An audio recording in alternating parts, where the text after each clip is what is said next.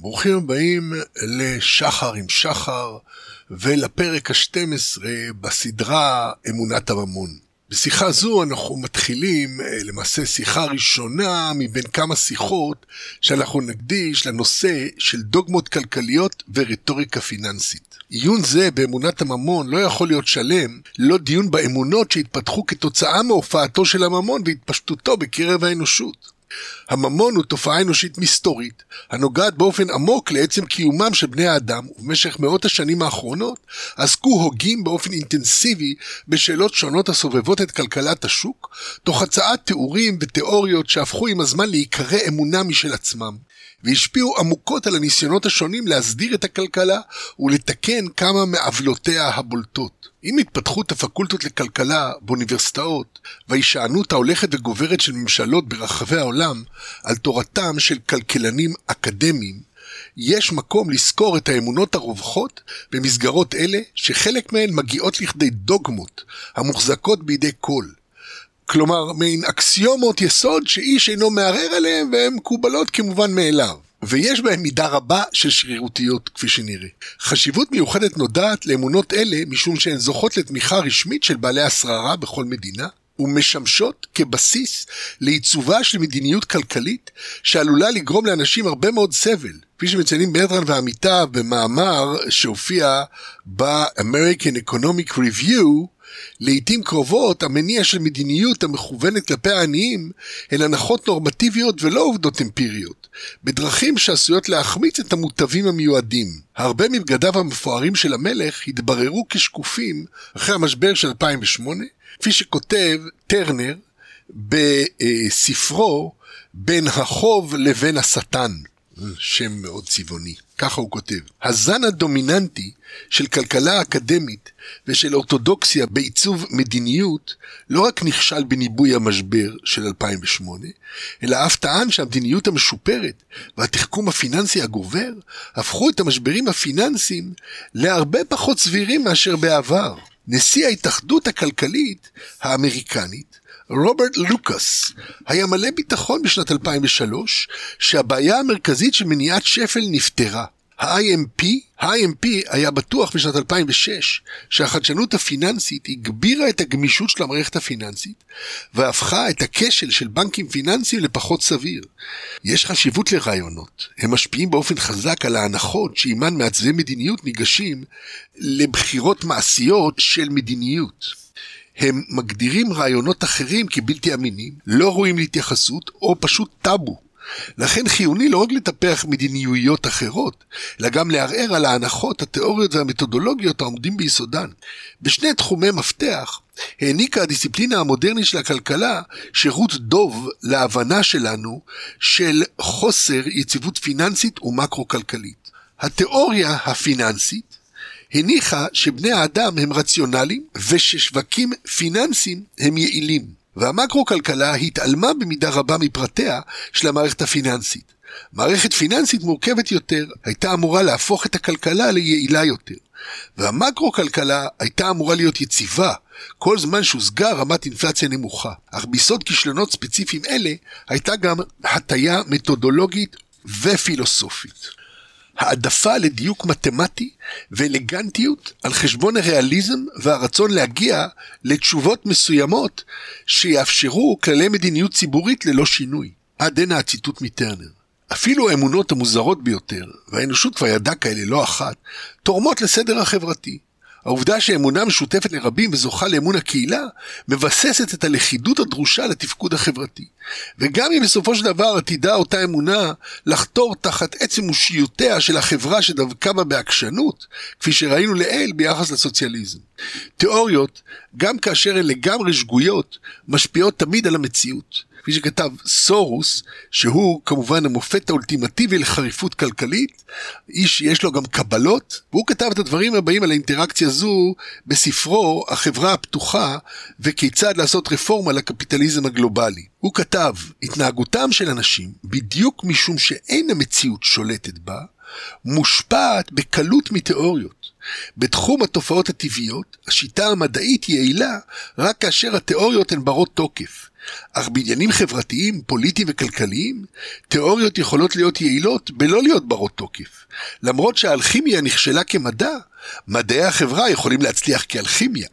עדנה סורס. כפי שמציינות אתנוגרפיות רבות, אמונות מעצבות את מציאותם של המאמינים באמצעות פעולותיהם של סוכנים המבנים את העולם באמצעות אמונתם.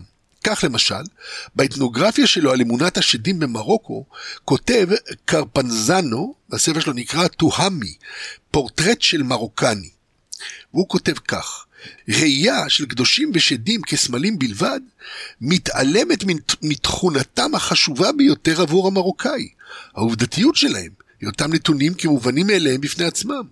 הקדוש והשד כאחד מופיעים בחלומות, בחזיונות ובמצעי תודעה אחרים. הקדוש הוא אישיות היסטורית, החיה על פי האמונה בתוך קברו המקודש. והאישוש לקיומו מתקבל מפעולותיו, התערבויותיו הניסיות בחיי היומיום. גם השדים מאששים את קיומם באמצעות פעולה. עד הנה הציטוט מקרפנזנו. מה שחשוב אינו אמיתתה של האמונה, אלא השלכותיה המוחשיות עבור חיי אנוש. אמונה במכשפות מסכנת נשים עצמאיות ותקיפות. אמונה בשוק חופשי יכולה למלא את הרחובות בהומלסים. ואמונה קומוניסטית יכולה לקדם את תופעתן של מושבות עונשין בסיביר. יש לנו נטייה לחשוב על אמונות כעניין של אמת או לא. אך האמת או היעדר האמת בדוקטרינה נתונה ניתנים לאישוש רק כאשר אנו פתוחים להפרחות של המציאות האמפירית. ולאמונות יש נטייה ידועה להכחיש את המציאות בשם אמת גבוהה יותר. לעתים קרובות, במקום שהמציאות תשפיע על האמת, דווקא האמונות, כנרטיבים המקובלים על הכל, יכולות לצייר תמונות שיש להן השלכות חמורות ביחס לחיי אנוש אמיתיים, בעקבות רישומן על היבטים מסוימים של המציאות, באמצעות סימון תחומים מסוימים של המציאות כבלתי ראויים, כמסוכנים, או כבעלי תכונה טבעית מסוימת, שנתפסת כמכתיבה עמדה מסוימת. אמונות כלכליות מעצבות לא רק את המדיניות הכלכלית, אלא את עצם מציאותם של גורמים כלכליים. משום שהן הובילו את מעצבי המדיניות הכלכלית של אומות שלמות במורד דרכים מסוימות הסותרות את הדרך שבה חיי אנוש מתנהלים בפועל, ושאינן מיטיבות עם חיים אלה. יתרה מזאת, כאשר מתברר שהמציאות סותרת את הדוגמה הכלכלית הרווחת, נוהגים ברגיל פשוט להכחיש את המציאות. כפי שמתארים פיין ומילונקיס כיצד, מאחר והעיקרון הראשון של הכלכלה הוא שכל סוכן פועל מתוך אינטרס עצמי בלבד, ככל שסוכנים כלכליים אחרים הונעו במציאות על ידי אהדה כלפי אינטרסים של אחרים, הם הומשגו במפורש כלא סוכנים כלכליים. כלומר, זו הנקודה הקלאסית של אמת שהיא אנליטית לחלוטין והיא על פי הגדרה. משולש יש לו שלוש צלעות.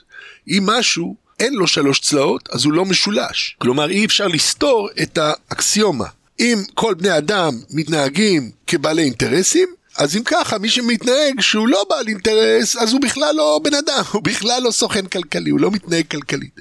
לא משנה שרוב, רוב או חלק גדול מאוד מהפעילות הכלכלית האנושית היא, היא נטולת אינטרסים. אה, שוב, מרחיבים גם את האינטרסים. בן אדם דואג לילדים שלו, אני יכול להגיד שזה לא אינטרס עצמי, אלא אינטרס לאחרים, הוא דואג לאחרים. אחרים יגידו, לא, הילדים הם הרחבה של האני, ואז הוא גם באינטרס עצמי.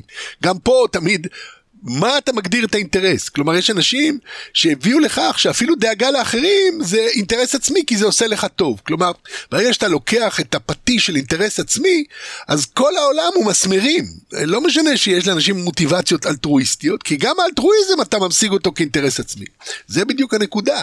לכן זה לופ, כי זה הכל אנליטי. עד הנה הציטוט של פיין ומילונקיס, ועכשיו הם גם מצביעים על כך שתורת הכלכלה האורתודוקסית יישמה רדוקציוניזם רחב היקף על פני מספר ממדים. היחיד צומצם לסדרה של העדפות, כאשר פעולתו מומשגת כעניין של בחירה ביחס לטובין נתונים. ההנחות הטכניות הדרושות על מנת לבצע תרגיל זה, יחד עם המצרפיות על פני יחידים כדי להבטיח את האיזון הכללי, נקבעו פשוט כהנחות יסוד, והתקבלו מאז כמובנות מאליהם כעיקרון קונבנציונלי. עד הנה הציטוט. באופן זה הפכה הדוקטרינה הכלכלית המקובלת ל... ויש לנו פה עוד ציטוט מפיין ומילונקיס, למערכת מיובשת של עקרונות כלכליים שצמחה בעקבות ההשפעות האנטי-חברתיות והאנטי-היסטוריות של המהפכה השולית, שזו עוד תיאוריה בכלכלה, כן? הרעיון של שולי הרווח. גרי בקר, מישהו שמצטטים, אה, מצמצם את האקסיומות שלו לאחת, שכל השחקנים במשחק החברתי הם הומו אקונומיקוס, האדם הכלכלי. זה אומר שהם סוכנים רציונליים שתמיד מחפשים למקסם את היתרון שלהם. עד הנה ציטוטים מפיין ומילונקיס, שכתבו ספר שנקרא מאימפריאליזם כלכלי אל פריקונומיקס, הגבולות הנודדים בין הכלכלה לבין מדעים חברתיים אחרים, הכלכלה כתיאוריה חברתית. זה שם הספר. מרגע שחושל הקרדום הכלכלי, החד-ממדי הזה, אפשר היה לחפור בו כל דבר. ואם הדברים לא יתנהגו על פי האקסיומות של אנשי הכלכלה, למשל, כל מיני מוצרים שאינם מתנהגים לפי ביקוש והיצע, אין בעיה להמציא כל מיני תוויות אד הוק מחריגות, כמו מוצרי גיפן או מוצרי ובלן, כדי להצדיק את הפיקציות ולהימנע מהפרחתן האמפירית. המתודה הופכת למסר, והשאיפה להציג משהו סגור, הרמטי, בעל כוח הסבר הגיוני, גוברת על כל עדות אמפירית שיכולה לשכלל ולעדן את התיאוריה. המודלים המתמטיים שמפתחים הכלכלנים בקצב נמרץ, מאפשרים לעסוק ביתר שאת בתיאוריות תלושות מן המציאות, משום שתמיד אפשר לסלק את המציאות המפריעה לצדדים, באמצעות הנחות רדוקטיביות שונות, כמקובל במתמטיקה. באופן מוזר למדי, עצם מהותו של הממון כמארג של אמון חברתי סותר את הדוגמות הכלכליות המקובלות בדרך מהותית ביותר. אמון הדדי הוא המנגנון הבסיסי של כל פעילות כלכלית, ואמון הדדי הוא זה שהוליד את המדע המודרני ואת הממון המודרני כאחד. היה זה האמון המשותף של אנשים שחלקו ביניהם עולם של אמונה שיצר את האמון החברתי העמוק ביושרה ובאמינות של עמיתיהם, והוליד את העולם המודרני של אזרחות ושוויון. הממון מגלם אמון בצורות מופשטות המחזיקות ערך, וזהו אמון זה שטיפח בסופו של דבר את כלכלת השוק. הפירוד העמוק בין תיאוריות כלכליות לבין המציאות מדהים למדי. לנוכח ההשפעה העצומה שיש להן על חיי אדם. הפירוד הוא כה עמוק, שלב הפעילות הכלכלית, הממון עצמו, נחשב כחסר רלוונטיות בפקולטות לכלכלה. כפי שאינגהם מתאר בתמציתיות, הניטרליות של הכסף היא עיקר האמונה הפרדוקסלי השני של התיאוריה הכלכלית האורתודוקסית, הטוענת שהכסף הוא מסך ניטרלי, הנסוך על פני הכלכלה האמיתית במרכאות. אכן, אפילו אין מניחים לכסף מרחב אנליטי במודלים היוקרתיים המתוחכמים ביותר מבחינה מתמטית של המשק, כמו מודל האיזון הכללי של אירו דברו. עד הנה הציטוט מאינגהם. גם לוסון כותב על הנתק הדוגמטי העמוק בין כלכלה למציאות. לוסון כתב את הספר Economics ו Reality, כלכלה ומציאות. והוא כותב כך: התכונה המדהימה ביותר של מדע הכלכלה המודרני היא האדישות העמוקה כלפי התאמת השיטות לתובנות זמינות ביחס לטבעו של העולם החברתי, או לקבוע במפורש את סוג התנאים שבהם השיטות הנבחרות תהיינה מתאימות. וזאת למרות מיעוט ההצלחה על פי הקריטריונים שמדע הכלכלה מציב לעצמו. במקום זאת, מנסחים שיטות ונהלים על פי האופי או הרמה של התחכום הטכני שלהם, או ההתאמה שלהם לתפיסות אפריורי של שיטות ראויות. עדנה לוסון ליאונטייף מצביע על הדרך שבה מתודולוגיה כלכלית הפכה לאמצעי מתוחכם של עקיפת הצורך להתמודד עם המציאות. ליאונטייף כתב מאמר בשם הכלכלה האקדמית שהופיע בכתב העת סייאנס והוא כותב ככה כלכלנים פיתחו נטייה שכמעט לא ניתן לעמוד בפניה לחשיבה דדוקטיבית. למעשה רבים הגיעו לתחום אחרי שהתמחו במתמטיקה טהורה או יישומית. עמודים על עמודים של כתבי כלכליים מקצועיים, מלאים בנוסחאות מתמטיות המובילות את הקורא ממערכות של הנחות פחות או יותר סבירות אך שרירותיות לחלוטין, אל מסקנות תאורטיות שנוסחו בדייקנות אך חסרות רלוונטיות לחלוטין. עד הנה ציטוט מליאונטייף. ליאונטייף מתאר גם את המתודולוגיות הספציפיות שאומצו בידי כלכלנים כדי לעקוף את הצורך בחקירה אמפירית. אין דבר שחושף בצורה חריפה יותר את הסלידה של מרבית הכלכלנים האקדמיים בימינו כלפי חקירה אמפירית שיטתית מאשר האמצעים המתודולוגיים שהם מאמצים כדי להימנע מכל מידע עובדתי קונקרטי. במקום לבנות מודלים תאורטיים המסוגלים לשמר את הזהות של מאות ואולי אפילו אלפי המשתנים הדרושים לשם תיאור וניתוח קונקרטיים של כלכלה מודרנית, הם מאמצים תחילה את המהלך של מצרפות. המידע הראשוני, יהיה מפורט ככל שיהיה, נדחס לתוך מספר קטן יחסית של חבילות, המסומנות בתוויות כגון הון, עבודה, חומרי גלם, טובין, רמת מחיר כללית וכן הלאה. חבילות אלה מולבשות בדרך כלל לתוך מודל. דהיינו מערכת קטנה של משוואות המתארת את המשק כולו במונחים של מספר קטן של כמה משתנים מצרפיים תואמים. ההתאמה מושגת בדרך כלל באמצעות נוהל סטטיסטי כגון ריבועים מזעריים, או נוהל אחר כלשהו שמתאים דברים לעקומה. למרות שלמראית עין נדמה שהתוויות המוקצות למשתנים ולפרמטרים הסימבוליים של המשוואות התאורטיות ניתנות לזיהוי עם אלו שניתן לראות באופן ישיר במציאות, כל ניסיון לעשות זאת נידון לכישלון. הבעיה של זיהוי משוואות מצרפיות אחרי הרדוקציה שלהן, כלומר המרתן לשם התאמה לעקומות שונות, כבר הועלתה לפני שנים רבות, אך עדיין לא נמצא לה פתרון משביע רצון. עד הנה ציטוט מלאונטייף. לאונטייף מתאר כיצד הניתוק מהמציאות הכלכלית הלך והתבצר ככל שגבר תחכומם של הכלים המתמטיים. שנה אחרי שנה, תאורטיקנים של כלכלה ממשיכים להפיק עשרות מודלים מתמטיים ולהמשיך לחקור בפירוט רב את התכונות הפורמליות שלהם. ואקונומטריסטים ממשיכים להתאים פונקציות אלגבראיות מכל הצורות האפשריות לאותם סטים של נתונים, בלא שיהיה ביכולתם לקדם בשום מובן נראה לעין הבנה שיטתית של המבנה והפעולה של מערכת כלכלית אמיתית, עד הנה לאונטייף. למרות שהמודלים המתמטיים האלה מנותקים מהמציאות, יש להם השפעה אמיתית, משום שהם משמשים כדי להצדיק מדיניויות ממשיות, ובמיוחד כדי להמליץ על מיעוט התערבות ממשלתית, מתוך האמונה שהיד הבלתי נראית, במרכאות, תחליק את הקמטים של הומו אקונומיקוס דמיוני, שניחן ברציונליות קרה ואנוכית. כפי שמציין ליאונטייף, מתנגדים רבים להתערבות ממשלתית בפעולות המערכת הכלכלית, מסכימים עם האפיון של תיאוריית הציפיות הרציונליות כהכללה מתודולוגית ברת יישום נרחב ורבת עוצמה. בעוד שעמיתיהם היותר ספקניים מציינים תיאוריה זו בדיוק כדוגמה לפיתוח שבו תיאוריה עוברת בהיגיון מושלם מהנחות בלתי מציאותיות למסקנות הסותרות את העובדות ההיסטוריות. עד הנה ליאונטייף. אם כך, ניגש באמת לעסוק באחד הדוקטרינות המרכזיות פה של הכלכלה המודרנית, דוקטרינת האינטרס העצמי. בנתחו את מקורותיה של החשיבה הכלכלית הממוסדת, מצביע ג'ד סטפנס בהרצאתו ביוטיוב על כמה מההנחות האבסורדיות המקובלות בתחום ומקורן. עלה במחשבתם של כמה כלכלנים, שהם רוצים להיות הניוטונים והקופרניקוסים של הכלכלה. הם רצו להפוך אותה לפורמלית. זה מתחיל בניסוי מחשבתי ביחס למושג של ערך. מה היה אדם סמית אומר על ערך? בעבר הייתה לכלכלנים תיאוריה של ערך אובייקטיבי הקשורה למחסור. על פי אדם סמית האוויר הוא זול, משום שהוא מצוי בשפע, בעוד שיהלומים נדירים ולכן יקרים. הערך הוגדר באופן אובייקטיבי על פי הנדירות, וההנחה הייתה שאנשים מסוגלים להעריך אובייקטיבית את הנדירות. עד כאן ג'ד סטפנס.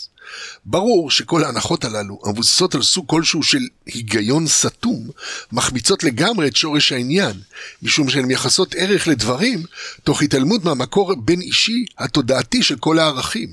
ליהלומים אין שום ערך מהותי, וערכו של האוויר לא נמדד במחירו. לא כל מה שנדיר הוא בעל ערך. סקיצה ראשונית יכולה להיות יחידה מסוגה, אך איש לא מייחס לה ערך. בדיוק כפי שמנקודת מבט מרקסיסטית, אפשר שהושקעו בה שעות עבודה רבות ועדיין לא יהיה לה ערך. כפי שמציין סטפנס, התיאוריה של ריקרדו על עבודה מקצועית לוקה במעגליות. הגורם שהופך עבודה מקצועית למקצועית יותר מעבודה בלתי מקצועית, נקבע על פי השוק. אך השוק קובע את המחיר, הקובע בתורו את הגורם. ומשמעות הדבר היא שלא נוכל לומר באופן אובייקטיבי שעבודה מקצועית שווה פי 2.2 יותר מעבודה בלתי מקצועית. תיאוריות תועלתניות מנסות לפתור בעיות אלה באמצעות אימוץ תיאוריה סובייקטיבית של ערך. ג'וונס העלה את ההשערה שמידת ההנאה שאני מפיק מתוספת טובין אינה רבה כמו זו שאני מפיק מהמנה הראשונה של טובים אלה. כמות ההנאה שלי משתנה. זה אורים ותומים של הכלכלה, ג'בונס, זה פשוט... סליחו לי. אוי אוי אוי אוי אוי. ברור שיש תפיסת עולם ספציפית מאוד ביסוד הנחה זו. תפיסת עולם הממוקדת בהנאה ובאינטרס העצמי. כמו כן ההנחה שההנאה פוחתת מבוססת על דחפים ביולוגיים שבהם רוויה ושובע מפחיתים את הערך. משום שאם אכלת זה עתה כדי שובע, אינך יכול להסתכל על הקינוח. וכך גם לגבי דחפים ביולוגיים אחרים. אמנם הנחה זו הופכת במהרה לבלתי רלוונטית כאשר מסתכלים על כל הדברים שגורמים הנאה בלא להביא לרוויה. כל הדברים נטולי האינטרס העצמי שהם היסוד של הקיום האנושי. מאימהות לאמפתיה, מאהבה לשנאה, משיר שאי אפשר להפסיק להקשיב לו, או ספר שחוזרים וקוראים בו שוב ושוב. עצם הרעיון של הנאה פוחתת כגורם כלכלי מפתיע בחוסר המציאותיות שלו גם אם לוקחים אותו ברצינות. באשר גם תיאבון ביולוגי שהוסבע בסופו של דבר מתאפס ומתמלא שוב ביקוש. ומה לגבי תיאבונם של אחרים? האם לא יגבר הביקוש כדי לרצות את תיאבונם של אחרים? במיוחד שהוא מתווך עד לצורות סימבוליות? כמאמרו של קהלת, אוהב כסף לא יסבע כסף. גם זה האבל. זה קהלת היטט. משום שאין גבול לחמדה האנושית כאשר היא מתורגמת לצורות סימבוליות המאפשרות הגירה ללא סוף ללא הנאה מיידית. יתרה מזאת, המיקוד בהנאה אישית מתעלם מהיבטים רבים של החיים החברתיים, שהבולט ביניהם הוא ערכם של דברים לאחרים, כמו אם המעריכה את קיומו של מזון עודף שתוכל לתת לילדיה. אם לא הייתה לג'בונס קנאת מתמטיקה, כפי שמכנה זאת סטפנס, והצורך שלו למצוא גורם מכנס כלשהו, שימלא את תפקיד ראש המסמר עבור פטיש החשבון הדיפרנציאלי שלו, לעולם לא היה מגיע לרעיון המגוחך הזה, שהתאים בצורה נאה כל כך לכל ההנחות של אינטרס עצמי, המהדהדות זרמים תיאולוגיים קדומים, המניחים מראש את האנוכיות והרוע של העולם החומרי. בסופו של דבר השימוש במתמטיקה התפשט במהירות, משום שהוא ייצג את הכלי האולטימטיבי בפוזה המדעית, ויכול היה להסתיר היטב את הריקנות וחוסר הרלוונטיות של כל תיאוריה, ואת השרירותיות של כל הנחה דוגמטית, תחת ערימה של חישובים נפתלים וקווי גרף מצטלבים. ככל שבוחנים מקרוב יותר את המהלכים ההיסטוריים, כך מתברר שאותה יד נעלמה שהפעימה את סמית, אינה רק נעלמה, אלא פשוט לא קיימת. והאינטרס העצמי של מעטים יכול למוטט כלכלה שלמה באמצעות הריסת האמון הציבורי. השוק מעוצב על ידי מדיניות מכוונת. אין יד נעלמה. יש רק מאמינים ביד נעלמה, היוצרים סוגים ספציפיים מאוד של שווקים על פי אמונתם. לא היד הנעלמה יצרה את שוק המשכנתאות העצום בארהב, שאפשר לאנשים רבים כל כך לרכוש בתים, אלא מדיניות כלכלית מסודרת של הממשלה. זה עכשיו ציטוט מתוך פרגוסון, עלייתו של הממון. משנות ה-30 ואילך, ממשלת ארצות הברית שימשה למעשה כחתמת בשוק המשכנתאות, בעודדה מלווים ולווים לחבור יחד. זה מה שגרם לבעלות על נכסים ולחובות משכנתה לנסוק אחרי מלחמת העולם השנייה, תוך דחיפת שיעור הבעלות על בתים מ-40 ל-60 אחוז עד לשנת 1960, עד הנה פרגוסון. כך, למרות שכלכלנים מתיימרים לעסוק בדברים מוחשיים, בעניינים קונקרטיים, הם נמצאים בפועל בעסקי אמונה עתירי צלמים. גרבר, שכתב ספר על לקראת אה, תיאוריה אנתרופולוגית של ערך, המטבע הכוזב של חלומותינו, שמפוצץ. אז גרבר זה כתב על הדרך שבה תיאוריות כלכליות מבנות בצורה אינטימית את הכלכלה עצמה. התחום האקדמי של כלכלה אמור לעסוק בניבוי העתיד. התחום נולד וממשיך להתקיים בזכות מימון נדיב, משום שאנשים בעלי הון רוצים לדעת מה עשויים אנשים אחרים בעלי הון לעשות. כתוצאה מכך מדובר גם בתחום אקדמי שנוטה יותר מכל תחום אחר להשתתף בעולם שהוא מתאר. עד כאן גרבר. די לנו לחשוב על ברננקה, האמון על תורתו של מילטון וממליץ על הרחבה כמותית, ובכך משפיע מוחשית על כלכלת העולם כולו, באמצעות החלת אמונו על החיים. כמה נורא הפרדוקס, שחסידי חיסול ההתערבות הממשלתית התערבו בכל הממשלות כדי לחסל את המחיצות בפני תאוות הבצע. כמה נורא שמאמינים אדוקים ביד נעלמה חיסלו את המנגנונים האנושיים, אנושיים מדי, שנבנו בדם יזע ודמעות מתוך ניסיונם המר של אנשים ששאפו לתקן אי שוויון ולעצב מדיניות ממשלתית שתסייע לאלו שמזלם לא שפר. תוכנית צעד ממשלתית טובה יכולה להשיג הרבה דברים שלא באים במזל, ושוב אנו פוגשים את העימות היסודי הזה, בין מגלגלי העיניים לשמיים, ובינתיים נוהגים כחזירים עלי אדמות, לבין מי שמנסה לתקן את הכאן ועכשיו, בין אנשי צדק נמלץ לאנשי צדקה המחפשים תיקון מיידי. למרבה הצער, מתברר שהיסודות המוסריים של אמונות כלכליות אלו, המתיימרות להיות אובייקטיביות, מרושעים למדי. אכזריותו הקרה של מקנזי היא דוגמה אופיינית להתנסות כלכלית והתהדרות ברציונליות כביכול. מקנזי זה כתב, מדוע פופקורן עולה כל כך הרבה בקולנוע? בואו נראה כמה אכזריות מתחבאת מאחורי ההסברים האלה. שואל מקנזי, האם עלינו לרחם על בני עמנו האמריקנים במערב התיכון או מקום אחר, שנאלצים מפעם לפעם לנטוש את בתיהם בגין שיטפונות הבאים בעקבות 40 ימים רצופים של גשם בלתי פוסק? כמובן שאנו צריכים לרחם עליהם במידה מסוימת סבירה. קורבנות של אסונות טבע, בין אם מדובר בשיטפונות, ברעידות אדמה או בהוריקנים, זוכים לתשומת לב מרובה. הם מועמדים טבעיים לנדיבות ממשלתית. יש סיבות טובות מאוד לאיפוק משמעותי במקרים אלה, במיוחד כאשר קורבנות שיטפון רבים מסוגלים באותה מידה לקנות נכסים מחוץ לאזורי האסון הפוטנציאליים, אך בוחרים שלא לעשות זאת. עד הנה מקנזי. ברור בעליל שלמקנזי, הגאה בהגיונו הקר, אין שמץ אמפתיה לתלאותיהם של בני אזור האין, ולעובדה שאנשים ניצבים לעיתים קרובות מול אילוצים מציאותיים. הדוגמה הכלכלית של האינטרס העצמי מיושמת בקור רוח על מציאות של סבל אנושי שקשה להעלות על הדעת שניתן למצוא לו צידוק רציונלי מחוץ לדמיונות כלכליים כאלה. לא יהיה זה מפתיע לגלות שבתים מוצפים רבים נמצאים בבעלותם של בעלי חזון דומה, שמשכירים אותם בזול לתושבים היותר עניים של אזור ההן. מקנזי אינו לבד בהצגה פופוליסטית של אכזריות הכלכלה הקלאסית. למעשה הוא שייך לזרם רחב למדי של ספרים פופולריים כמו פריקונומיקס, אה, שזה יצא בעברית, מאת לוויט ודבנר, פריקונומיקס לתפוס את העולם בכלכלתו, אבל כתבו את זה עם כף כף. פריקונומיקס שבהם כפי שמתארים זאת פיין ומילונקיס, האימפריאליזם הכלכלי מגיע לגרסתו הקיצונית ביותר בצורה של כלכלה פריקית, התיאוריה הכלכלית של הכל על סמך העקרונות השטחיים ביותר. עד הנה מפיין ומילונקיס.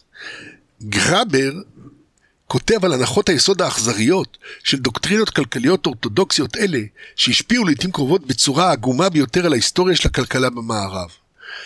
כל שהם באמת מוסיפים לניתוח היא מערכת של הנחות על טבע האדם. ההנחה, מעל הכל, שאף אחד לא עושה שום דבר אף פעם, בעיקר מתוך דאגה לאחרים. שלא משנה מה אתה עושה, אתה מנסה להפיק מכך תועלת עצמית. יש מילה מקובלת לתיאור גישה זו, ציניות. רובנו משתדלים להתרחק מאנשים שמאמצים גישה כזאת במידה מופרזת, אך בכלכלה הם קוראים לזה מדע. עד הנה גראבר. למרות שקולנדר ועמיתיו שכתבו ספר שנקרא הפנים המשתנות של הכלכלה במיינסטרים, אז למרות שקולנדר ועמיתיו טענו לפני כמעט 20 שנה שהכלכלה מתרחקת מדבקות קפדנית בשילוש הקדוש, רציונליות, אנוכיות ואיזון, ועוברת לעמדה יותר אקלקטית של התנהגות מכוונת, אינטרס עצמי נאור וקיימות, ספק אם יש כאן יותר מאשר משאלת לב בלבד, משום שאנו רואים את המדיניות הכבדה של המיזנטרופיה בכל מקום. בפועל השילוש הקדוש הנ"ל הולך ונטמע יותר עמוק בכלכלה ככל שהוא מלופף ביותר מבנים מתמטיים מטשטשים, ולמרות כל העדויות המצביעות על אי הישימות שלו במציאות. כפי שכותב מלאבי, שכתב ספר יותר כסף מאלוהים, קרנות גידור והיצירה של האליטה החדשה, אז מלאבי כתב כבר בתחילת שנות ה-60 מתמטיקאי בעל דעות עצמאיות בשם בנואה מנדלברוט, טען שזנבותיהם של התפלגויות עשויים להיות שמנים יותר מאשר על פי ההנחה של עקומת הפעמון של ההתפלגות הנורמלית. ויוג'ין פאמה, אבי תיאוריית השוק היעיל, ביצע בדיקות על שינויים במחירי מניות שאפשרו את טענתו של מנדלברוט. לו היו השינויים במחירים מתפלגים באופן נורמלי, קפיצות גדולות יותר מחמש סטיות תקן היו אמורות לצוץ בנתוני המחירים היומיים אולי אחת לשבעת אלפים שנה. במקום זאת הן צצות בערך אחת לשלוש עד ארבע שנים. אחרי שגילו תגלית זו, פאמה ועמיתיו קברו אותה. הבעיה עם התובנה של מנדנברוט הייתה שהיא הייתה בעייתית מכדי שניתן יהיה לחיות איתה. היא הפכה את הכלים הסטטיסטיים של הכלכלה הפיננסית לחסרי ערך, משום שהדיגום של התפלגויות בלתי נורמליות הוא בעיה שהמתמטיקה עדיין לא פתרה. על מנת למנוע מעצמו ליפול לתוך התהום האינטלקטואלית הזאת, הפנה מקצוע הכלכלה את מבטו לעבר השני. ההתנגדויות של מנדלברוט נדחו הצידה. ההתפלגות הנורמלית היא קירוב מעשי טוב, טען התפאמה. הקריסה של 1987 עקפה על מקצוע הכלכלה לבחון מחדש את הטענה. הסבירות של נפילה בקנה המידה שאירע בחוזה העתידים של ה-S&P 500 ב-19 באוקטובר היה בשיעור של 1 ל-10 בחזקת 160. נדמה לי שכל גודל היקום זה 10 בחזקת 32 או משהו, אז משהו אסטרונומי מטורף. זה מתוך מלאבי, עד הנה הציטוט ממלאבי. רוז, שכתבה את הספר רכוש ושכנוע, מאמרים על ההיסטוריה, תיאוריה ורטוריקה של הבעלות, מצביעה על כך שהאופנה הרווחת של אינטרס עצמי, בה ספוגה הדוקטרינה הכלכלית, מעלימה את הדרך שבה היסודות של נרטיב שרירותי זה, של אינטרס עצמי, מבוססים למעשה על אופקם. שכן רק הסכמה הדדית בין אנשים מאפשרת לכתחילה את קיומה של דוקטרינה כלכלית של אינטרס עצמי. עצם קיומו של הנרטיב הזה תלוי בשיתוף פעולה והבנה, וכך היא כותבת. למשטר של קניין פרטי, המופיע בדרך כלל כמערכת שלמה, יש מבנה זהה לזה של רכוש משותף. אנשים צריכים לשתף פעולה כדי לכונן את המערכת. עליהם להתארגן, להשתתף בפגישות, לדון באפשרויות, לברר בינם לבין עצמם מי מקבל מה וכיצד יש להגן על זכויות הקניין. משתתפים חייבים לשתף פעולה ביניהם לפחות מצד ההכרה במדדי הקניין שמנהגיהם מציבים והציות להם. מתוך דחפים של שיתוף פעולה, חייבים אנשים לכבד את הזכאות הפרטית של כל אחד מהם, משום שאי אפשר לקיים מערכת רציפה של שיטור ו/או פעולות תגמול נגד רמאות. כך, מערכת קניין תלויה בכך שאנשים לא יגנבו, ירמו וכן הלאה, גם אם תינתן להם הזדמנות לעשות זאת. כלומר, כל המשתתפים, או לפחות מספר משמעותי של משתתפים, חייבים לשתף פעולה כדי שמשטר קנייני יוכל להתקיים. משטר קנייני בקיצור, מבוסס על הנחה מוקדמת של טיפוס אנושי שאינו מופיע בחזון הכלכלי המקובל על ענייני קניין. כלומר, אם אתה כל כך אינטרסנט, אז למה אתה, כולם משתפים פעולה אם אינטרס עצמי זה העניין? אה, נהדר. לטענתי, אומרת רוז, זו הסיבה לכך שתיאוריות קלאסיות של קניין תמיד נזקקו לנרטיבים נוספים ברגעים קריטיים. במיוחד כאשר היה עליהן להסביר את מקורם של משטרי קניין, שם הצורך בשיתוף פעולה בולט ביותר. הסיפורים שהם סיפרו עזרו להם להחליק על פני הפער הקולקטיבי בניתוחים השיטתיים שלהם ביחס לאינטרס עצמי. עד הנה רוז. פער זה בין דמיונות הכלכלנים ביחס לאינטרס עצמי לבין המציאות של שיתוף פעולה נרחב בין אנשים, אפילו כדי לקיים את הדמיון הנ"ל, מתבטא גם, כפי שכותבת רוז, בפער בין סוג האדם בעל האינטרס העצמי, הזקוק לבלעדיות קניינית כמוטיבציה לעמלו, לבין סוג האדם שצריך להיות שם כדי ליצור, לשמר ולהגן על משטר קנייני. אין כל דרך לגזור את קיומו של משטר קנייני מנקודת מוצא של אינטרס עצמי רציונלי. ולכן מנקודת מבט זו אין ברירה אלא לספר סיפור, נרטיב כלשהו שיספק הסבר לאחר מעשה. רבים כבר הצביעו על כך שאינטרס עצמי אינו המוטיבציה האנושית הנפוצה ביותר. מאחר ובני אדם נוטים להיות יצורים חברתיים הדואגים אלו לאלו ונוטים לשתף פעולה. למרות שההנחה של אינטרס עצמי הפכה לחזון המרכזי המנחה את הכלכלנים התאורטיים, הפועלים ליצור מדיניות שמלבה את הלהבות של אינטרס עצמי צר למדי, ממצאים ממגוון רחב של תחומים מצביעים על האופי החברתי הנדיב של בני אדם, העושים לעיתים קרובות מאמצים ניכרים למען טובתם של אחרים, ובכך סוטים מהדוקטרינה של האינטרס העצמי. רוז, המנתחת לעומק את הדוקטרינה של האינטרס העצמי, מצביעה על ארבעה טיפוסים שונים החורגים מהדוגמה, אותם היא מכנה מחשבת זדון, אימא, אימא יהודייה והכו אותי. תקוט אותי, תקוט אותי ותזוות אותי הלכו לים. עכשיו אני מצטט מרוז. טיפוס מחשבת זדון. מעדיף להפסיד ולאבד הרבה מאוד ולהבטיח שהיריב לא ינצח. העדפה שלו מבוססת על דיכוי האחר. הוא לא נראה כל כך בעל אינטרס עצמי, לפחות לא במובן הרגיל. סיבה לכך היא שעניינים בין אישיים מסיחים את דעתו. טיפוס השני, טיפוס אימא, או אזרח נאמן, חורג אף הוא מניבוי המבוסס על אינטרס עצמי. היא מציבה את צורכי האדם האחר תחילה. מדוע שבעלת אינטרס עצמי, השואפת למקסם רווחים, תעשה זאת? היא אכן לא תעשה זאת. שוב, נראה שאימא מוסחת בגין עניינים בין אישיים. הטיפוס השלישי, אימא יהודייה. תהיה הראשונה שתאמר לך מה סדר העדיפות שלה. אני לא מקבלת דבר, אתה מקבל הרבה. האמא היהודייה חורגת עוד יותר מסדר העדיפויות הנחזה על פי מקסום האינטרס העצמי. היא מעדיפה לתת את המקום הראשון לאחר. טיפוס הרביעי, הכו אותי. נמצא לגמרי מחוץ להבנתו של בעל התחזיות הכלכליות. טיפוס זה הוא שיקוף הראי של מחשבת זדון. הוא רוצה להפסיד, הוא רוצה שיכו אותו. טיפוסים אלה מופיעים ללא הרף בנרטיבים ממשיים, היסטוריים וספרותיים כאחד. ביאגו של שייקספיר או קומודוס של גיבון, אם נבחר רק שתי דוגמאות מפורסמות, אנו רואים מופת מלא של טיפוס מחשבת זדון במלוא הדרו המרושע והנקמני. דוגמאות עדכניות יותר כוללות האקרים של מחשבים, המפיצים וירוסים ללא סיבה נראית לעין מחוץ לגאווה ורשעות. הטיפוס של אימא ושל האזרח הטוב הוא אולי פחות דרמטי, אבל ניתן לראות אותו בכל מקום, ברומנים וסיפורים המתארים דמויות הירואיות. אכן, על פי הספרות הפמיניסטית, הטיפוס השמח לעזור ולשתף פעולה נפוץ מאוד. פיליפ רוס סיפר כמובן את סיפורה של האם היהודייה באופן שרבים מזהים, ולספרות הפמיניסטית יש הרבה מה לומר על טיפוס הכו אותי ועל קורבניות באופן כללי. טיפוסים אלה, החורגים את תיאוריית האינטרס העצמי, מוכרים היטב גם למשפטנים. כאן, כמו בספרות ובהיסטוריה, כמה מהדוגמאות המעניינות ביותר עוסקות בטיפוס של מחשבת זדון. בדיני קניין יש קטגוריה שלמה של פסקי דין העוסקים באנשים שבונים גדרות רק כדי לעצבן את השכן. סיפורים על אנשים שהוציאו סכומים גדולים של כסף כדי להציב חומה שתחסום את חלונו של השכן, או כדי להציב איזה פסל דוחה שיהרוס לשכן את הנוף של השקיעה הנשקף מחלונו.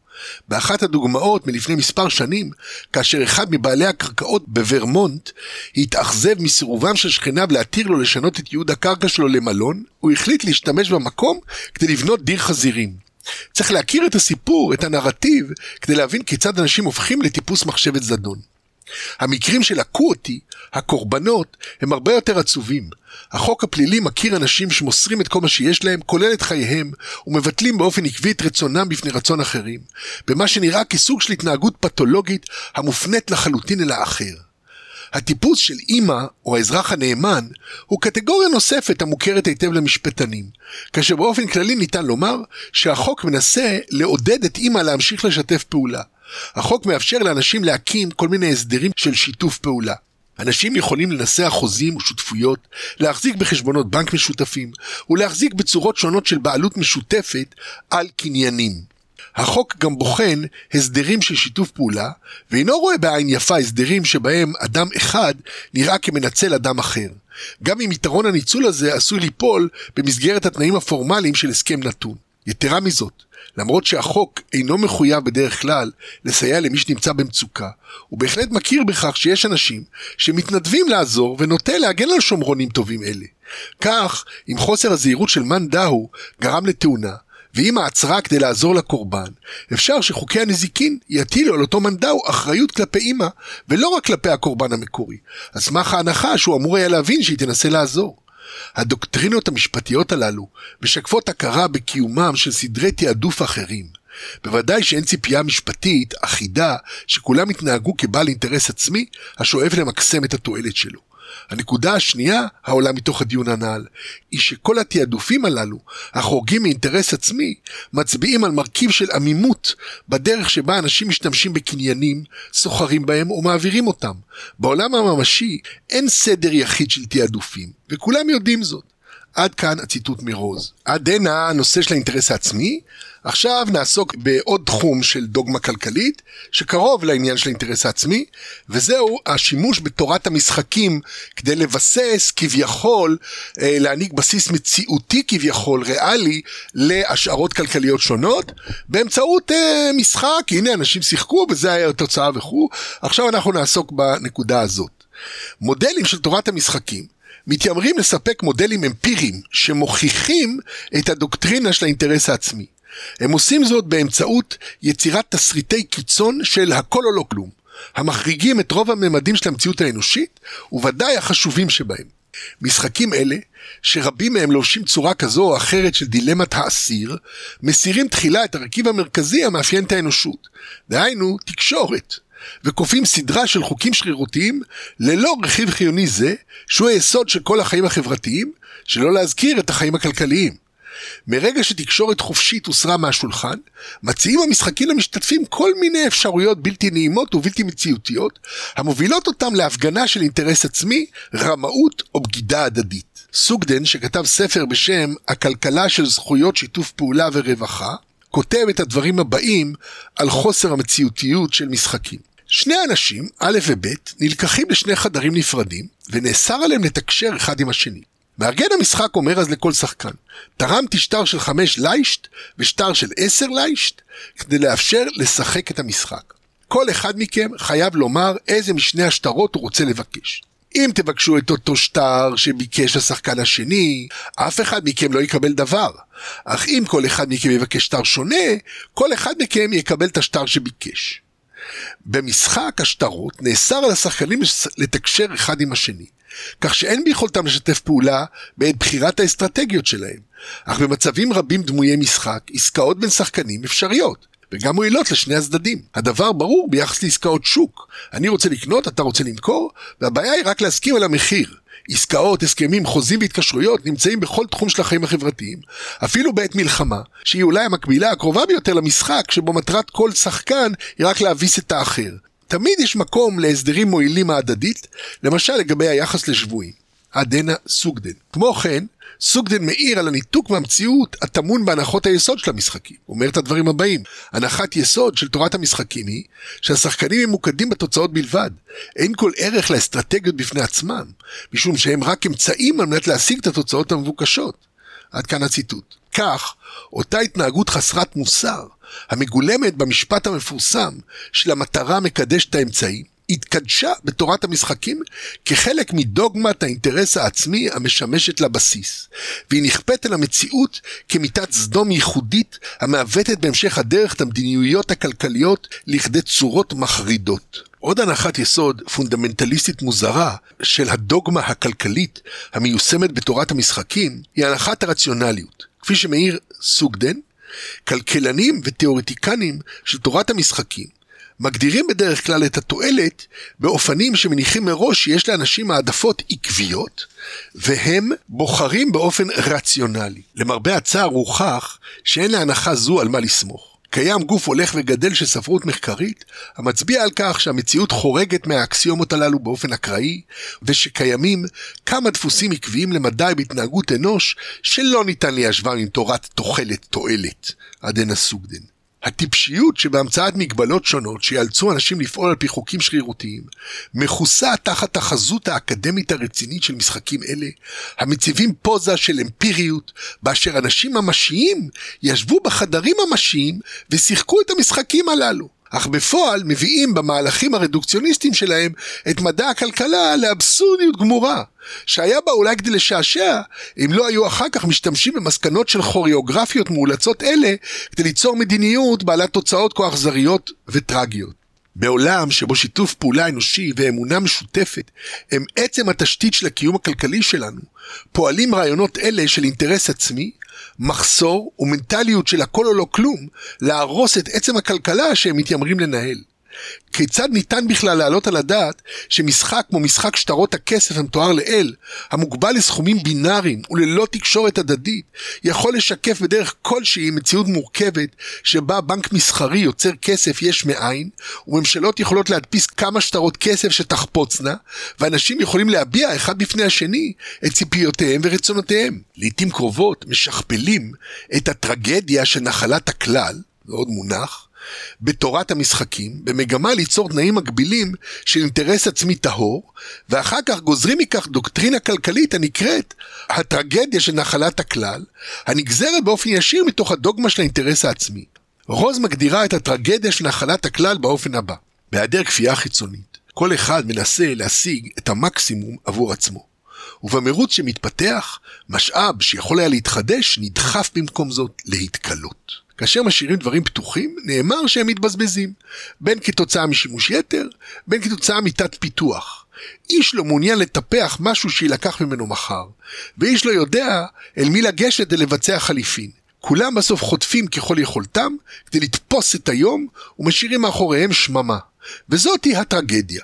מנקודת מבט זו, רכוש ציבורי הוא אוקסימורון. דברים שנשארו פתוחים לציבור אינם רכוש כלל, אלא האנטיתזה שלו. עד כאן רוז. אכן, כאשר בוחנים מצבים אמיתיים של עימותים סביב משאבים מוגבלים, דהיינו כאשר מתבוננים בנחלת הכלל האמיתית, מתברר שהטרגדיה היא בעיקר פבריקציה, המצאה של הדוקטרינה הכלכלית המקובלת. המבט הרעיל של הטרגדיה של נחלת הכלל אינו אלא הסלמה של הטיעון הרגיל של מחסור, המזווג עם הדוקטרינה של האינטרס העצמי. מילדנברגר, שכתב על הטרגדיה של הטרגדיה של נחלת הכלל, ב-Scientific American, כותב את הדברים הבאים, מצביע על כך שבאופן היסטורי, שדות מרעה בתקופות קדומות היו מוסדות מקומיים מנוהלים היטב. הם לא היו מקומות של תפוס כפי יכולתך, שבו אנשים רק לקחו ולקחו על חשבונם של אחרים. נחלות כלל רבות ברחבי העולם נסמכו אף הן באופן דומה על מוסדות קהילתיים. ממצא בולט זה היה עבודת חייה של אלינור אוסטרום, שהראתה את מגוון המוסדות שבני אדם יצרו כדי לנהל את השדות המשותפים שלנו. עד הנה ציטוט של מילדנברגר. רוז מסבירה כיצד הסביבה המשותפת עומדת בפועל ביסוד כל משטר של בעלות, בין פרטית בין ציבורית. בעוד שהאמצעי הרגיל המשמש אותנו למניעת הטרגדיה של נחלת הכלל הוא משטר של רכוש פרטי, גם רכוש פרטי הוא לעיתים קרובות רק עניין של מנהג. אנו רואים זאת למשל בדוגמה הפרוזאית של המנהג, המאפשר לנו לתבוע חזקת בעלות ראשונה באמצעות השארת מעיל על מושב הקולנוע או מגבת על שפת הים. אכן משטר שלם של רכוש פרטי, בין אם הוא מבוסס על חוקים, בין על הנוהג המקובל, מוסבר בדרך כלל כנחלת כלל מנוהלת. משטר של רכוש פרטי מהווה כשלעצמו סוג של רכוש על, המוחזק במשותף בידי אלה שמבינים אותו ופועלים על פי עקרונותיו. במובן מסוים, כאשר אנו מחליטים לחלק את נחלת הכלל לרכוש פרטי, אנחנו רק עוברים מנחלת הכלל במשאב פיזי לנחלת הכלל במבנה חברתי השומר על ניהול המשאבים הפרטיים. עדן ארוז. אוסטרום מצביעה על כך שהפרטים של כל סיטואציה הם הנקודה הקריטית, ושהמטאפורה ההרסנית של אינטרס עצמי יכולה להתפשט אל המדיניות עצמה, שהופכת למונוליטית ועיוורת לפתרונות של שיתוף פעולה אפשריים בפועל. וכך היא כותבת: כשלעצמן, גם התוויות מדיניות רבות אינן אלא מטאפורות. הן הדוגלים בריכוזיות, הן בהפרטה, ממליצים לעיתים קרובות על מוסדות שעברו פישוט יתר. ההסתמכות על מטאפורות כבסיס למדיניות עלולה להוביל לתוצאות שונות מאוד מאלו שאמורות להתקבל על פי ההנחה המוקדמת. הלאמת הבעלות על יערות במדינות עולם שלישי הומלצה על סמך הטיעון שכפרים מקומיים לא מסוגלים לנהל יערות באופן שיקיים את הפרודוקטיביות שלהם ואת ערכם בהפחתת שחיקת הקרקע. במדינות שבהן יערות מקומיים היו במשך דורות רבים בבעלות משותפת של כפרים קטנים שניהלו אותם, המשמעות של ההלאמה הייתה הפקעה. במקומות כאלה נהגו הכפריים בעבר לנהוג באיפוק רב ביחס לקצב ולאופן שבו נקצרו מוצרי יער. בכמה ממדינות אלה הפיקו רשויות לאומיות תקנות סבוכות ביחס לשימוש ביערות, אך לא היה ביכולתן לפרוס יערנים בכמות מספקת כדי לאכוף את התקנות. היערנים שהועסקו בתפקיד זה קיבלו משכורות כה נמוכות, שקבלת שוחד הפכה לאמצעי נפוץ של השלמת הכנסתם. התוצאה הייתה שההעלמה יצרה משאבים שהגישה אליהם חופשית במקום שבעבר היה רכוש משותף, שהגישה אליו הייתה מוגבלת. יש תיעוד נרחב של ההשפעות הרות האסון, הרות האסון, של ההשפעות הרות האסון של העלמת יערות שהיו בעבר נחלת הכלל. עד הנה ציטוט מאוסטרום. אוסטרום קוראת לחזרה אל האמפירי, אל המציאות של דברים, במקום ההסתמכות על דוקטרינות הכופות מגבלות הרסניות וקצרות רוי על המציאות. היא כותבת, ידע מדעי כרוך בהבנת השונות של מצבים עליהם חלים תיאוריה או מודלים, לא פחות מהבנת המגבלות של ידע זה. האמונה שניתן לתאר את כל המבנים הפיזיים במונחים של סדרה של צורות מושלמות, עיגולים, ריבועים ומשולשים, הגבילה את ההתפתחות של האסטרונומיה עד שיוהנס קפלר קרא את העבותות של החשיבה הקלאסית וגילה שהמסלול של מאדים הוא אליפטי, ממצא שקפלר עצמו לא ראה בו בתחילה יותר מערימת זבל. לפני עשור שנים פעלו מדעני המדיניות בצורה מקבילה לעקיפת ריבועים משולשים ואליפסות לתוך פרדיגמה של עיגול, בכך שהשתמשו במודל של הדילמה של נחלת הכלל, בלא להקדיש תשומת לב רצינית לשאלה אם המשתנים במציאות אכן תואמים למודל התאורטי. היו דיווחים רבים על ממצאים תאורטיים ואמפיריים כאחד, שאמורים היו לעורר במדעני המדיניות ספקנות רבה ביחס להסתמכות על מערך מוגבל של מודלים כדי לנתח את מגוון המצבים. למרבה הצער, אנליסטים רבים באקדמיה, בקבוצות אינטרסים, בממשלה ובעיתונות, עדיין מניחים שבעיות של נחלת הכלל הן כולן דילמות שבהן המשתתפים עצמם אינם יכולים לחמוק מיצירת תוצאות תת-אופטימליות. עד הנה אוסטרום. הממון עצמו, השימוש המתווך בו משמש לעיתים קרובות לפתור את הטרגדיה של נחלת הכלל, בכך שמשלמים לצדדים המפסידים עבור יתרת הפסדיהם, ובכך משתמשים בסימבולי כדי לאזן את המשאבים הנדירים בנקודה מסוימת, באמצעות גישה למשאבים במקומות אחרים בעולם האנושי. אוקיי, עד הנה הפרק שעסק בדוקטרינה, הדוגמה של האינטרס העצמי ווריאציות שלה. ואתם מוזמנים להצטרף אליי לפרק הבא בסדרה אמונת הממון אה, במסגרת שחר עם שחר שיעסוק בהיבטים נוספים של דוגמות כלכליות להשתמע.